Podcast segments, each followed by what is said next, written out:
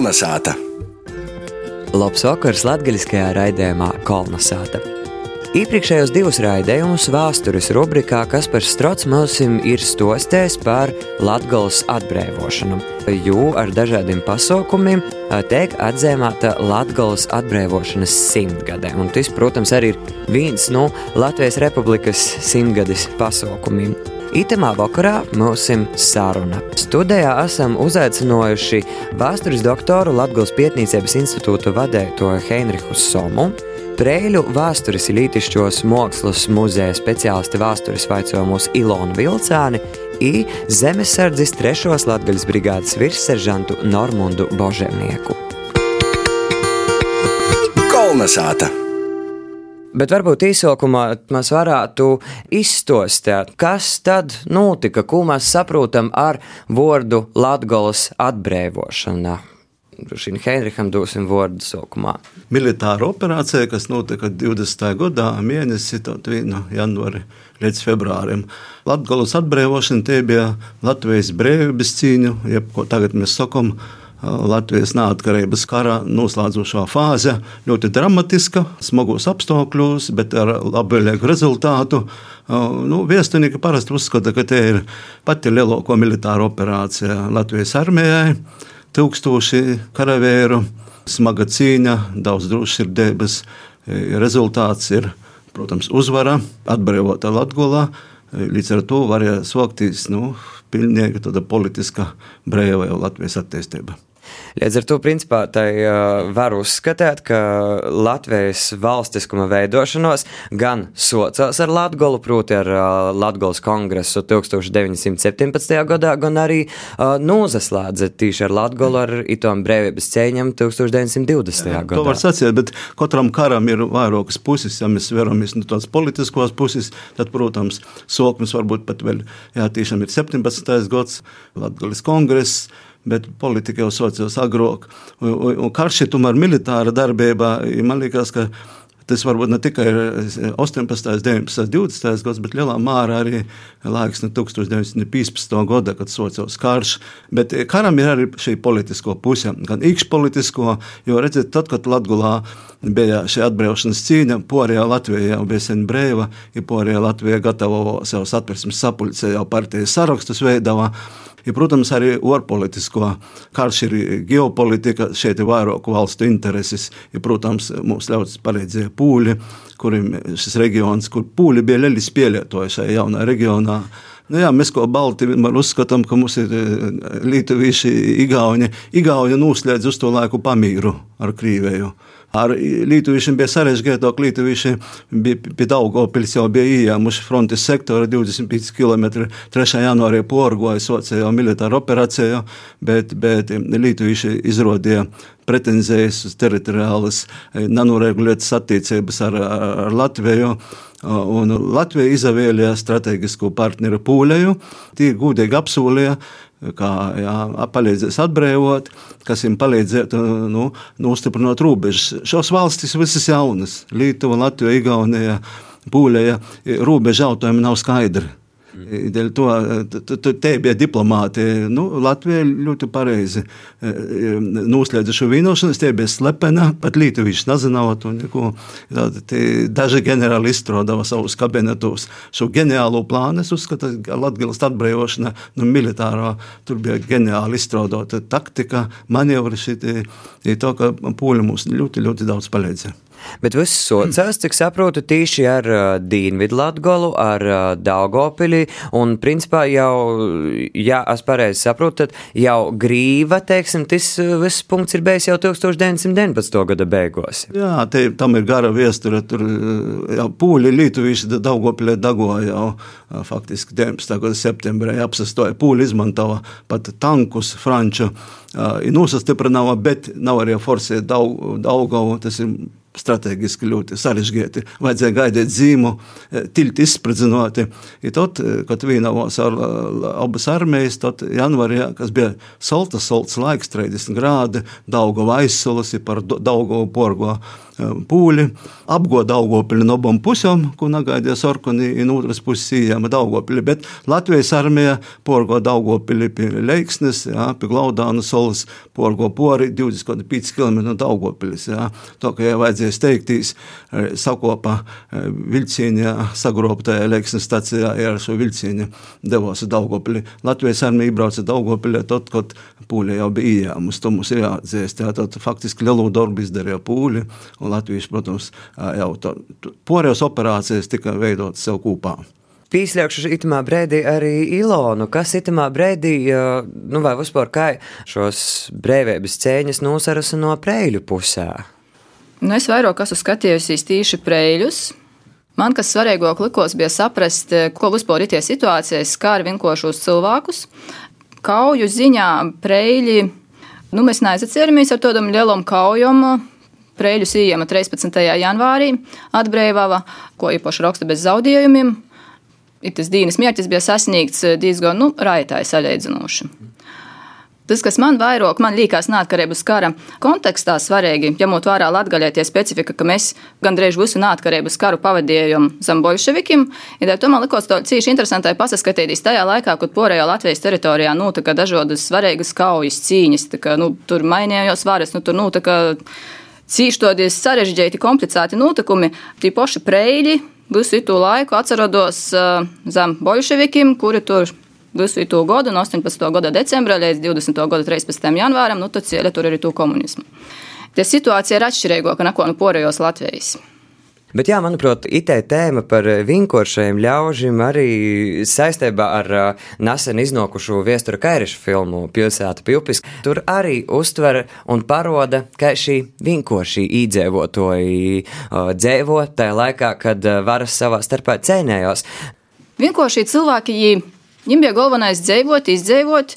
Viņi netik cīši uztvēra to ideoloģiju, kas cīši pasarādās tajā bolševiku laikā, kad uh, cilvēki, viņi, piemēram, galvoja par kādu, kurš ir arestēts, viņi raksta, jā, viņš ir kortēks cilvēks, viņi piemin kortēgi īt uz baznīcu katru svādiņu. To ir raksta bolševiku varas īstenībā, it kā nāpjauš, ka tas ir, nu, tā kā daļa bolševikim baznīca ir ideoloģiskais īnaidnieks. Viņam tas skaitās gūdējams, kortēks cilvēks.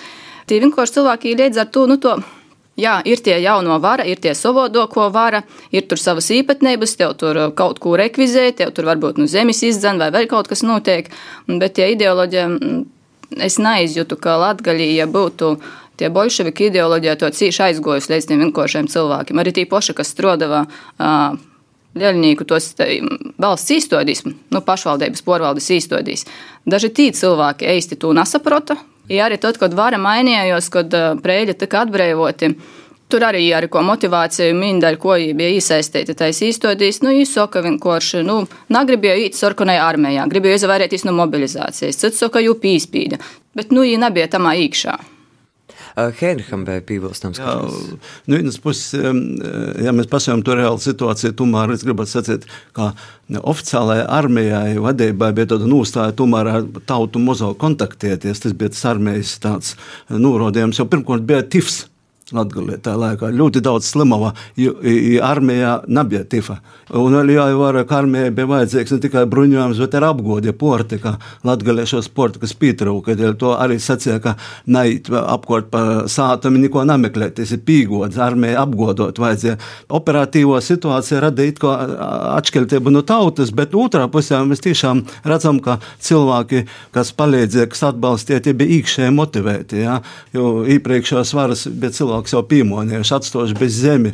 Cilvēki gribēja labāku dzīvi, bet mēs pašās baigos man liekas, ka ļoti svarīgi ir tas, ka bija labi nostādīta bolševiku propaganda. Jā, varbūt cilvēkiem tie nebija tik labi izjūtama, bet armijā sarkanos armijas karavīri bija idejiski porlīdzināti. Jā, labi karavā, labi apbruņoti, tas mums jāievēroja. Ja to sacīja visi gīvstekņi. Ja latvieši, kas to novēroja, ja uzskatīja, ka mums nav tādas propagandas. Jā. Mēs ceram uz īkšķiem saviem, uz īkšķēju porlīdzību. Jā. Mums nav tu skaļu lozungu, bet visi saprot, ka te jāsacīna. Jā. Bija pie tāds um, izteiciens, ja būtu latviešiem, Latvijas armijā tāda propaganda, ko sarkana armija mēs pa vienu dienu ejam tu Daugopili. Mēs to agrāk to sacījām. Bet kā vispār ir ar teiksim, zaudējumiem, vai itūs neatkarības cēņu laikā daudz teiksim, vienkārši īdzīvoto goja bojā, vai teiksim, daudz eipašumi, daudz objekti tika nopūstāti? Nu, protams, vistragiskāk jau bija Daugopilis izpūstiet, ka Īgo Daugopilē te bija brīsmas, jau tur ir nu, 15. gada sāka bombardēt, gan es pīci gadi. Bet mums nav tāda ziņa, protams, precīzi, ko, jā, bet, bet protams, um, mums jāsarēķina ar to, ka vispār tie zaudējums pa šo mēnesi ir grūti saskaitīt, jo zaudējumi reāli Latgalē bija no 15. gada evakuēta Daugopils, jā, izjūta to riezekni, arī dziļāk, tad resursi, faktiski Latgali bija nūplicinota. Amerikāņi, kas atbrauca 20. gadā, palīdzēja, tie sarkanās kristus, ka es braucu, es sacīju, šī tādas situācijas nav Eiropā pat. Pirmo reizi redzēt, tā, tik, tāda situācija, ka cilvēki nu, vienkārši e, ir iedzēti bodā, jo vienkārši ir pūs, ir beigas nu, pīci gada garumā. Ne, ne, tāpēc es domāju, ka zaudējumi tādā garākā laikā jāsever. Jā. Bet nu, pamatresursi mums tika saglabāti. Cilvēki ir daudz, bija, visi bija pārliecināti, ka jāizstāv Latvijā. Ir principā arī pēc tam tas valstiskums un valsts arī soka veidotīs un izveido, kā mēs redzam. Uh, itamā brīdī es gribētu pieslēgt sarunai arī uh, Normundu Božemnieku uh, ar kaidam sajūtam zemesardze un nacionālajie bruņotī spāki sagaida uh, un sagaidāja visus itos uh, neatkarības cēņu simtgadis. Īstenībā tas ir, protams, liels tāds saviņojums iekšējs par to, ka tu tā visu to klausīs, vērīs, lasi, izdomāji, kā tas tiem cilvēkiem bija pirms tiem simts gadiem. Ir liels gūsts to visu turpināt.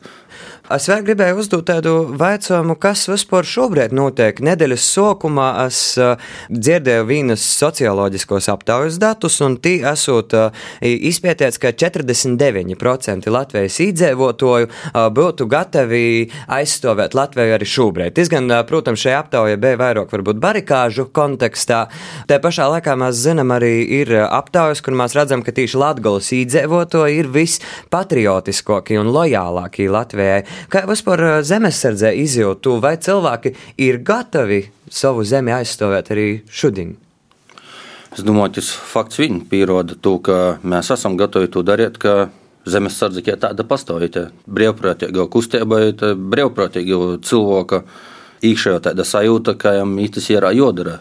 Liela cīņa, gūts tiem cilvēkiem, kas ir zemesardzē. Bet vispār arī jaunieši daudz iesaista un jauni cilvēki, kas pīzavīnoja zemesardzēji. Tā pēdējā laikā tāda tendence, ka tīši ir vairāk jaunieši to dara, ir piesaistīta. Varētu pasiet, ka kļūstam jaunāki. bet ir cīši pateikami to dzirdēt. Bet vecājums, kā jūs redzat, kāds ir tas noskaņojums šobrīd Latgales sabiedrībā? Jūs katrs apsagrozat savā vītā, savā pilsētā. Kāds ir tas vispārējais noskaņojums? Mēs esam patriotiski un Ilona, kā ir preļu pusē. Nu, ir dažādas tos gradācijas. Nebūtu jāsaklausās varbūt tik daudz uz vārdiem, bet jāsaskatās uz to, ko cilvēki dara, ko viņi paliek uz vītas, ko viņi turpināja darboties, ko viņi cīnās. Nu, tādā veidā arī dotu ieguldījumu arī Latvijas, arī valsts attīstībā. Nevienmēr tie, kas varbūt nu, skaļāk tos lozungus saka, ir tie lielākie patrioti. Kā ir Daugavpilī, Henrich? Es domāju, ir to, ir to ir. Jā, to dzīve nav, dzīve ir viena liela pretruna. Uh, ir pozitīvās, ir negatīvās. Mums ar to jāsarēķina, bet runājot par tiem tiešām, par ko mēs saprotam patriotismu, manā izpratnē, ko man ikdienā, es, ko es redzu, protams, te ir izglītība. Jā. Ko nozīmē būt par Latvijas latgales patriotu? Vienkārši nesēdēt e, mīrā, nesēdēt iz divana nagulēt, e, īt, mocēties, Vienu skolā, otrā skolā, augstskolā iegūt izglītību. Izglītība ir tas dārgums un man, mana vērtība, ko sacīt tajos laikos. Mūsu galvenais īrūcis ir. Ko mēs varētu savu latgali pacelt, vai tikai ar plikiem lozungiem, kuriem varbūt tam nav nozīmes, bet visi dariet savu darbu gudīgai savā vietā par izglītību, tad vecums eh, arī vai cilvēki ir izglītoti par eh, itim notikumiem, teiksim, par Latgales atbrīvošanu, vai viņi zina, kas tas vispār bija, kā tas bija un vai ir informēti. kāds ir jūsu novērojums, varbūt Normons varētu pakomentēt. Nu, es tikai vairāk, teiksim, formāli vairāk tādiem cilvēkiem apsagrozu. Protams, ka militārās struktūrās tā cilvēki ir izglītoti. Bet, teiksim, ka jūs sazatiekat arī tagad ar dažādiem pasaukumu apmeklētājiem. Viņi jau atnāk sagatavoti, viņi zinās, ko viņi ir atnākuši, vai vienkārši tāpat. Cik es esmu sazaskors ar cilvēkiem, tad visi zina, uz ko viņi nav tā, ka viņi vaicoja, kas tī, kas tī šodien notiek, par ko tā ir. Es domāju, ka liels nopelns televīzijai, internetam, radio visiem poriem masu medijiem. Es gribētu sacīt, ka saka, ar izglītību nekas jau automātiski nenotiek. Ja? Cilvēkam pašam individuāli jāsamāca. Mēs dzīvojam informācijas laikmetā, jā, bet kuri tu pūzini daspīst, izskaidrot, jā, informācijas ir daudz, apjukums ir, es novēroju, ka tas tomēr jāskaidro, jāskaidro, jāskaidro, ja ģimenē nav skaidrots, ja veco mote, vecās tās mote ar tāvu nav skaidrots, tas ir pirmo instanci, pēc tam ir skola, pēc tam ir augšskola. Jā. Es domāju, arī labu darbu dara protams, arī e, Polijā. Īpaši man liekas, pēdējo laiku filmas, kas palīdz atvēseli Putinis, kur bija ļoti sarežģīta tematika. Pēdējo kairiša filmē tur ir jopastudē, jā, tu, kas tie ir par sižetiem. Katra diskusija tas ir tuvošanos jaunam izglītības līmenim. Kolnesāta!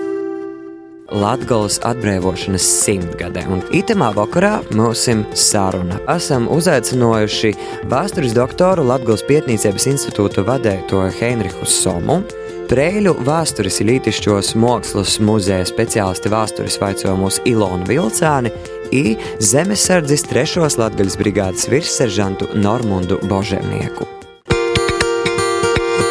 Kolnesāta! Vai mēs pietiekami saprotuši to visu stostam? Nu, nav noslēpums, ka, teiksim, ja vēl muna paudze, kas ir 90, 90. gadi, vēl izprūt kaut cik, teiksim, tos pašus trešos atmodas laika notikumus, bet vairs nav pīdzēvojuši, tad, teiksim, sazaskarot ar šobrīd bērniem, es redzu, ka viņiem vispār nav nekaida priekšstata par to, nu, teiksim, fonu, par to visu atmosfēru, kas tur ir bijusi. Vai mēs stostam pietiekami skaidri? Jā, es domāju, ka katra, katrai paudzei jāskaidro pa savam. Es domāju, tie ir pilnīgi cita paudze. Protams, varbūt, kā mēs sakām, attraktīvā veidā. Tur, tā, tos ir jās metodas, un to galu galā jādomā arī tajā vidē darbojās pilnīgi jauni skolotāji. Mēs jau tagad tādu distances. Un mūsu laikā, mūsu laikā vajag porstot to domāt pa vertikāli, bet par horizontāli. Ja? E, mūsdienu škol, skolniekam ir pilnīgi jaunam skolotājam jābūt. Viņi savā starpā sas, sasadarba īskaidro. Mēs malas teātra vērojam, varbūt to nesaprotoši vērojam. Rūdās distance, distance starp paudzēm, bet tagad tie distance arī lielāka ir, bet es domāju, ka tas nav strupceļš. Jovzas tic jaunajiem skolotājiem, jaunam grāmatu autoram, jaunam režisoram, kas to moca, īmocēs to visu. Ilona, vaicājums, kā muzejā, pirmkārt, teiksim, vai cilvēki nokūt uz muzeju arī itu grib uzzinot, vai jūs zina jau, un kā jūs to informāciju pasniedzat? Es nedaudz portveru to tēmu par skolotājiem ir skolom, kas man liekas, īta var piesaistīt muzeja itajā vietā vai muzeja, ko todi. Ir ne tikai muzeja, bet ka tas skolotājs ar to bērnu jau var iziet ārpus skolas. Viņš var iziet ārpus tos mocību grāmatas, ir tādā veidā arī bērnam to visu varbūt vairāk nu, interesantākā veidā vai kaut kādā taustāmākā veidā pastostot. Daļai to, jā, mūsu muzejā arī ir vairākas izglītojošos programmas, kas, nu, ir saistītas ar dažādiem tādiem viesturis jautājumiem. To, ka mocēja programmā tas ir, ja skolotājs attīt ar bērnu uz muzeju, kur viņš var redzēt tos līdzības, izskatīties caur fotografiem, sejos tam cilvēkiem, tam bērnam vairāk kaut kas palīk izpratni par tiem iedzīņiem, par tiem terminiem, ko mēs lietojam. Dēļ to, ka tagad runājot par neatkarības kāru, arī mums bija izstrādāts ekskursijas maršruts pa prēļiem, stostot par to laika notikumiem. Jā, es sapratu, ka no sākuma ir jopastosta vispār jaunajai paudzei, kas tas leļinīgs, kas tas bolševiks tots ir. Tā to, ka laigo, nu, mūsim, es nezinu, ko varbūt jaunākiem cilvēkiem, munai paudzei vēl es domāju, ka ir zināms tas iedziņas, vienkārši zini, kas tas ir. Savukārt jaunākajai paudzei vienkārši nezina, kas tas ir. I tur arī diezgan grūti izskaidrot. Tā to, ka, lai izskaidrotu, tev ir jojam vēl citi iedziņi klot, kurus jūs arī nezina. I tad, nu, tas ir to, jā, tur ir cīši to, jo pīdomāju, ka ir jārunā, jā, ko uh, arī profesors sacīja, tomēr jau nedaudz savādāk ar katru paudzi, jo tie informācija tomēr cilvēkiem nu, atšķirās. Atšķirās arī, ko uztver bērni to informāciju. Bet tagad, cik es saprotu, arī uh, Latvijas atbrīvošanas simtgades uh, ietvaros uh, tika arī jaunas pīmiņas vītas uh, vai zēmes atklātas un veidotas. Varbūt uh, Normans varētu pastāstīt nedaudz vairāk par jomu. Jā, šogad 3. janvārī sokās tie pasaukumi brīvības simtgades atbrīvošanas pasaukumi Daugopilē. Ir tika pie pilsētas dūmes atklāta pīmiņas plāksne. 16. janvārī Rušaņicā jauna pīmiņas vīta, aprakstošais stends tika atklāts. Principā es arī gribēju pavaicot, varbūt jūs varētu izskicēt arī, kas ir tos galvenos personas, kas mums būtu jozina Latgales atbrīvošanas notikumu sakarā. Gribētu, protams, par jebkuru runāt, jo tomēr karavēri Eh, kas bija gatavi dzīvē badot. Eh, bet eh, es vienmēr stostīju par mūsu virsniekiem, augstākam virsniekiem, ģenerālim. Jā. Jāni Balodi. Pirms 39 gados es kļuvu par ģenerāli. Jām ir trīs ložpilēšām, visas pakopes pīškārts, ir pēdējo pakope par latgalis cīņam. Jā. Tātad galvenais virspēlnieks bija kur daudz legendas stostīja, ko es izrādu frontē, ko es pārbaudīju, apšaudīju, pat nokļuvu. Ja.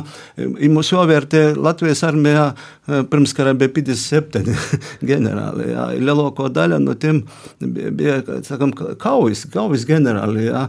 Pēters Radziņš, ja, kas izstrādāja šo plānu, jā, kas ģeniāli izstrādāja. Tie augstākie virsnieki, kas, kas bija paraugs citiem, ir, protams, man liekas, arī tāda zamoka ranga jau, jo, kā mēs pasaveram, kas komandēja koinieku pulkus Latvijas laikā. Tie bija visi kaujas virsnieki, kas izgojuši uz skolu. Daudziem ir piešķirts Lošpļas ordenis, tas bija paraugs, tāds Latvijas tautas zelta fonds. Šie oficieri labi izglītīti, labi motivēti. Ja. Ja varbūt mēs reizē runājot arī par personām, varētu īskicēt arī nu, teiksim, šos galvenos punktus. Nu, teiksim, kuri ir tie momenti, kas tomēr katram klausētojam būtu jozina, vai tos nozīmīgākos tīši kaujas uh, it, itamā visā lielajā Latgals atbrīvošanā. Tātad, nu, pirmkārt, laikam, te tad sanāk Daugavpiļas. Jā, tad, ja mēs, ja chronologiski to ir, jā, armija palānam virzējās, bet tos kaujas tādas ir, nozīmē, ka pagrīzina to 3. janvārs, jā ko mēs tagad, pirms 3. janvāra, man liekas, interesanta epizode, ko mēs esam atklājuši. Te tāda ļoti saudabīga e, leiksnes kauja, bruņuvilcīnas sajamšana pie leiksnes, jā, ar to bruņuvilcīnu iebrauca Daugopilī. Tāda epizode, par kuru interesanti rakstīja vairāk neko par Daugopilī sījamšanu, pat tā laika oficiāli virspavēlnīgs, jā, tādas seika epizode, bet, protams, 3. janvārs, pēc tam ir jauns, ir arī pietieti šai višku kauja jau turpinājumā, tuvojoties armijai. Ja? Un, protams, ka man šķiet, ka arī 21. janvārs, ko Riezeknis jau atbrīvošana, nu, pēc tam ir pierobeža, nu, un arī, nu, teiksim, to paša janvāra baigas, kad militāro darbība jau faktiski nosaslāts. Jā, tas sekoja jau pamīrs, bet pēc pamīra vēl bija kaujas, jo pamīrs, par pamīru nezināju tādas jau tolokos kaujas. To, tad, faktiski tos ir tos lielokos, tādas gribīs akcentēt to, ka te bija zīme, jā, apgoda šo, ka armija tas prīšku, tūpat kalu pieejama bez artilerijas, bez minmetēm. Tie caldati, kas go pa snīgu. Latvijā ceļi šoki, kartes nebija, kartes bija šokas, tad tie ir ļoti ekstremāli apstākļi. Bet uh, kas notika pēc uh, itam cīņam? Tātad, jā, kad uh, pamīrs, uh, nelalas cēņas, bet, teiksim, kas notika ar šīm cilvēkiem? Tātad, jā, mēs runājam par to, ka bija daudz ordeņa kavalīru, daudz virsnīku, viņi visi turpino savu militāro karjeru Latvijas armijā?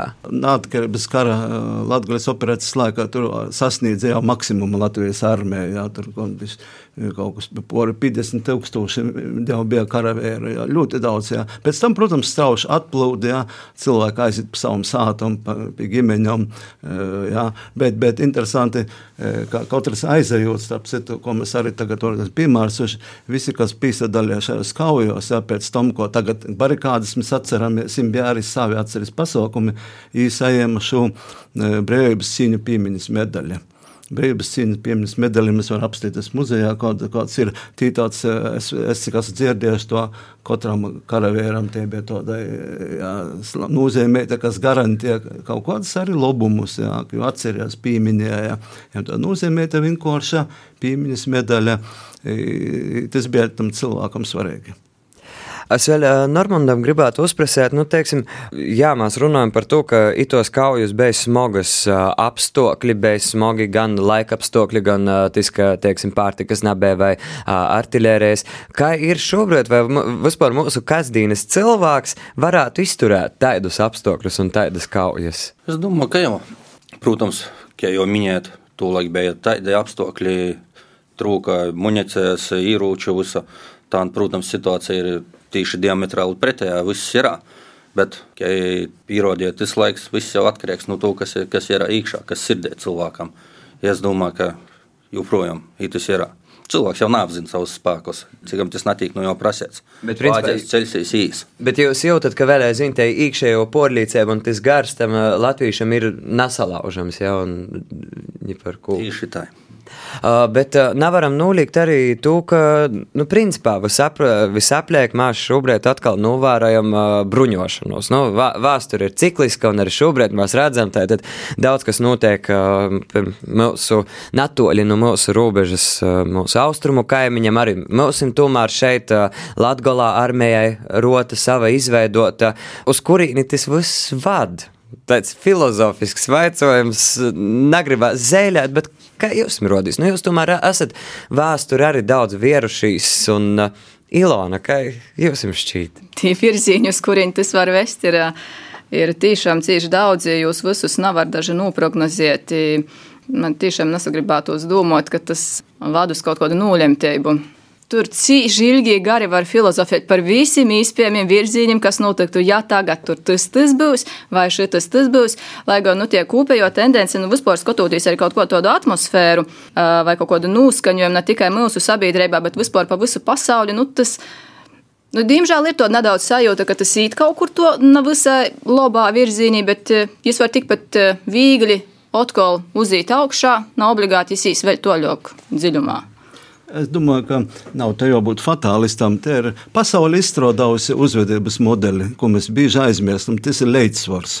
Līdzsvars, ja viens paceļ galvu, tad šo galvu vai kaut kas pasaceļ cits, jā, uz līdzsvaru. Šis līdzsvars mums rada šo drošības sajūtu. Jā, jā, tur, es tādu gribu piemēram neatkarības kara, dēļ ko mums nepalīdzēja tā laikā amerikāņu valdība tajā laikā, jā, bet sabiedrība atbalstīja sarkanās kruststāciju. Bet amerikāņiem bija interesanta doma. Viņiem sacīja, uh, lai Krievija ir, lai nav kausa Krievijai, lai Krievija ir kaut kas sarkana, bet lai ir, bet Krievija būtu pretsvars Japonai un toliem austrumiem, kas ir konkurenti Amerikai. Mēs redzam, kā tas viss, bet ar laiku tas atrisinājās. Amerikāņiem savu lomu palīdzēja pēc tam, bet tajā momentā viņam bija apriekins. Šodien politikā katram ir savs apriekins. Ja? Latvijai savs, Krīvijai, e, Amerikāņiem, Eiropas, e, NATO savi apriekini. Tūmā es esmu optimists. Ja? Kā Normandam, kāda vispār ir tā iekšējo noskaņa? Nu, te mēs tiešām varam tikai par iekšējām sajūtām runāt. Personīgi manas domas ir tādas, ka tas pats, kas bija augsto kara laikā, tādas sacensības, kurās visu laiku tāda bruņošanās notiek. Nu, Dievs dod, lai nebūtu neviena uzvarētāja, lai tos sacensības labi, lai notiek, bet lai nav finiša. Jā, man, manuprāt, it ir, it ir ļoti labs vielējums. Uh, ar ko mēs arī varam itamā vakarā mūsu kolonizācijas raidējumu noslēgt. Saku paļdis mūsu gostim, Preļu, viesturis Lītišķos mākslas muzeja speciālistei, viesturis vaicojumu Silonai Vilcānei, paļdis arī vēstures doktoram Latgals Pietnīcības institūta vadētojam Heinricham Somam, īpaļdis arī Zemesardzes trešos Latgaļas brigādes virsseržantam Normandam Boževniekam. Paldies jums! Kolnesāta. Latvijas radijas Latvijas studijas latgaļisko raidījumu Kolnesāta komanda Ēriks Zepes, Guna Igavena un Ints Salmiņš no jūsim atsavoda. izsazadzirdēšanu nākamajā sastāvdaļā. Tad dosimies uz Prēļiem un uzzināsim, kas jauns Prēļu vēstures ir Lītišķos mākslas muzejā, kā arī kā muzeja cilvēki atsapauši. Bet tas nākamajā sastāvdaļā, 18.15. ņū, Dievam novēlu visu labu! Kolnesāta!